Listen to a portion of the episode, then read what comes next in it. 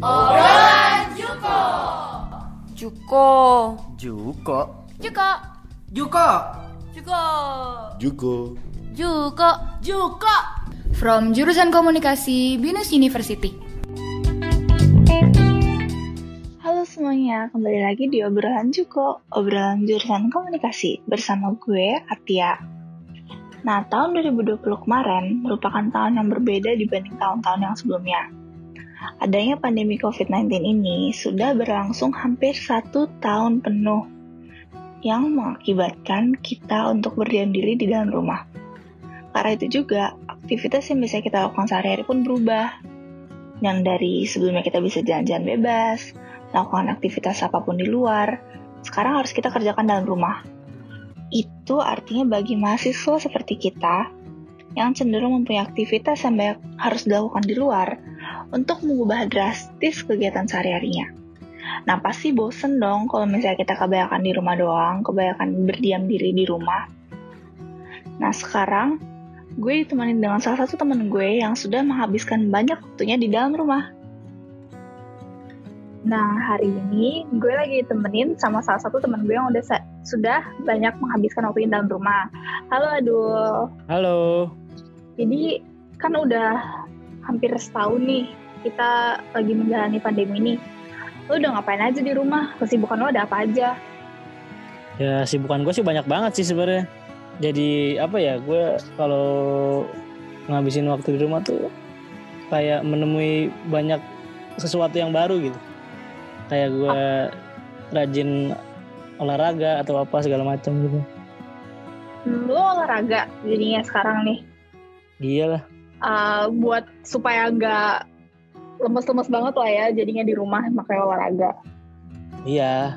Tapi sih sebenarnya tujuan gue sih karena gue kan awalnya kan punya kelebihan BB gitu.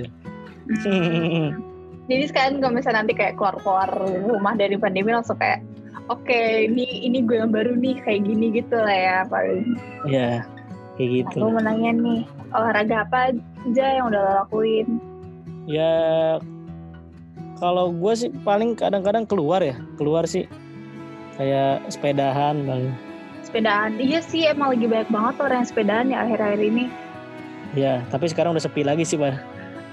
Iya sempet rame sempet beberapa booming. bulan terus sekarang udah mulai itu lagi dua bulan tiga bulan gara-gara musim hujan jadi sepi eh jadi sepi lagi tapi lo masih rutin lah ya sampai sekarang masih terus itu lo berolahraganya bersepeda itu udah dari kapan?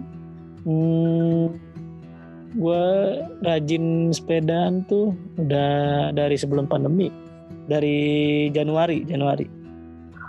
Oh jadi semacam apa nih kayak New Year's resolution juga? Atau ya seperti itulah resolusi gue yang lebih baik aja resolusi baik ya sih emang emang resolusi tuh harus membuat kita menjadi pribadi yang lebih baik lagi gitu kan ya. Ya seperti itu.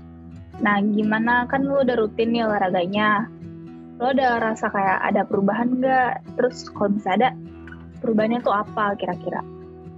Hmm, ada lah, ada banget. Pertama, ya gue jadi nggak terlalu apa ya nggak terlalu lambat gitu lah bergeraknya dulu kan gue kan emang bener-bener kelebihan BB kan berat badan. Mm-mm. jadinya lambat. Sekarang gue udah nggak ngerasa lambat gue ngerasa lebih seger aja gitu. Lebih seger aja. Badan jadi lebih fit. Jadi lebih cekatan lah ya gitu. Iya. bagus sih kalau emang lo ngerasa jadi kayak badan lo jadi lebih fit gitu. Jadi kayak perubahannya uh, perubahan yang positif semua lah ya gitu kan. Iya. Nih. Kan uh, gue ada pertanyaan nih. Kan banyak banget orang yang mau olahraga tapi pas mau olahraga itu merasa ya males banget. Contohnya kayak gue gue tuh udah banyak banget kayak oke gue harus coba olahraga ini ini itu ini itu. Maksudnya kayak juga udah nanya ke teman-teman gue yang suka suka ngeliat video-video. Misalnya uh, olahraga apa segala macam gitu.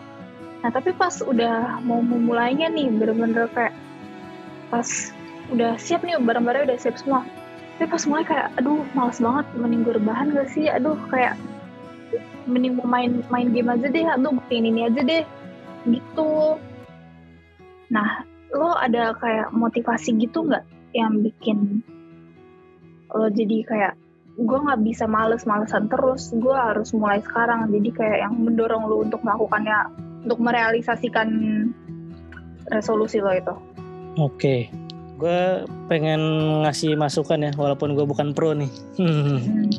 Eh, kalau lu udah pengen olahraga tuh yang penting tuh awalnya sih niat. Mau gimana pun lu harus niat. Lu kalau nggak niat, lu niat kayak misalnya besok gue pengen lari atau apa, hanya dalam mulut lu aja tapi nggak lu masukin dalam niat lu itu susah. iya sih jadi niat nggak boleh dari mulut doang gitu ya Iya, harus dari lo- hati juga. Oh. Ada lagi nggak Ya terus ya kalau lu misalnya awal-awal pengen mulai sih lebih ke stretching stretching gitu-gitu sih. Baru ke yang berat kayak lari, sepeda atau naik gunung misalnya atau apa segala macam. naik gunung nah ini lo ada pesan nggak kayak kata-kata mutiara yang pengen lo sampaikan buat orang-orang yang mau olahraga tapi masih males-malesan Ya gue sih ingin menyampaikan ya.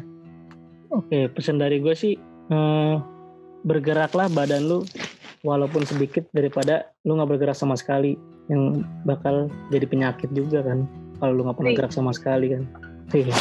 iya sih kayak yang ada kok misalnya nggak gerak sama sekali kayak kita tuh nanti jadi gampang capek nggak sih Iya. kan abisnya kita kan dulu sebelum pandemi ini kayak kita banyak bergerak kan ya kayak kita ke Iya. kampus lah terus di kampus kayak eh, kita naik turun tangga pindah kelas pindah kelas ke sana ke sini gitu kan Kalau sekarang kan bergerak cuman tangan aja yang bergerak kayak main iya game, main HP. game terus atau nggak kayak Ngapain badannya diam kan. ah, ah.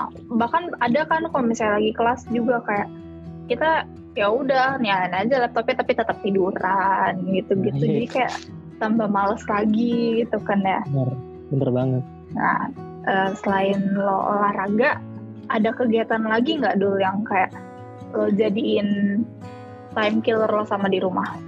Hmm, time killer gue selain olahraga sih paling ini sih gue kalau ada tugas ya gue ngerjain tugas. Kalau lagi Hmm. waktu luang ya gue main game sama gue punya peliharaan ikan cupang sebagai hobi baru.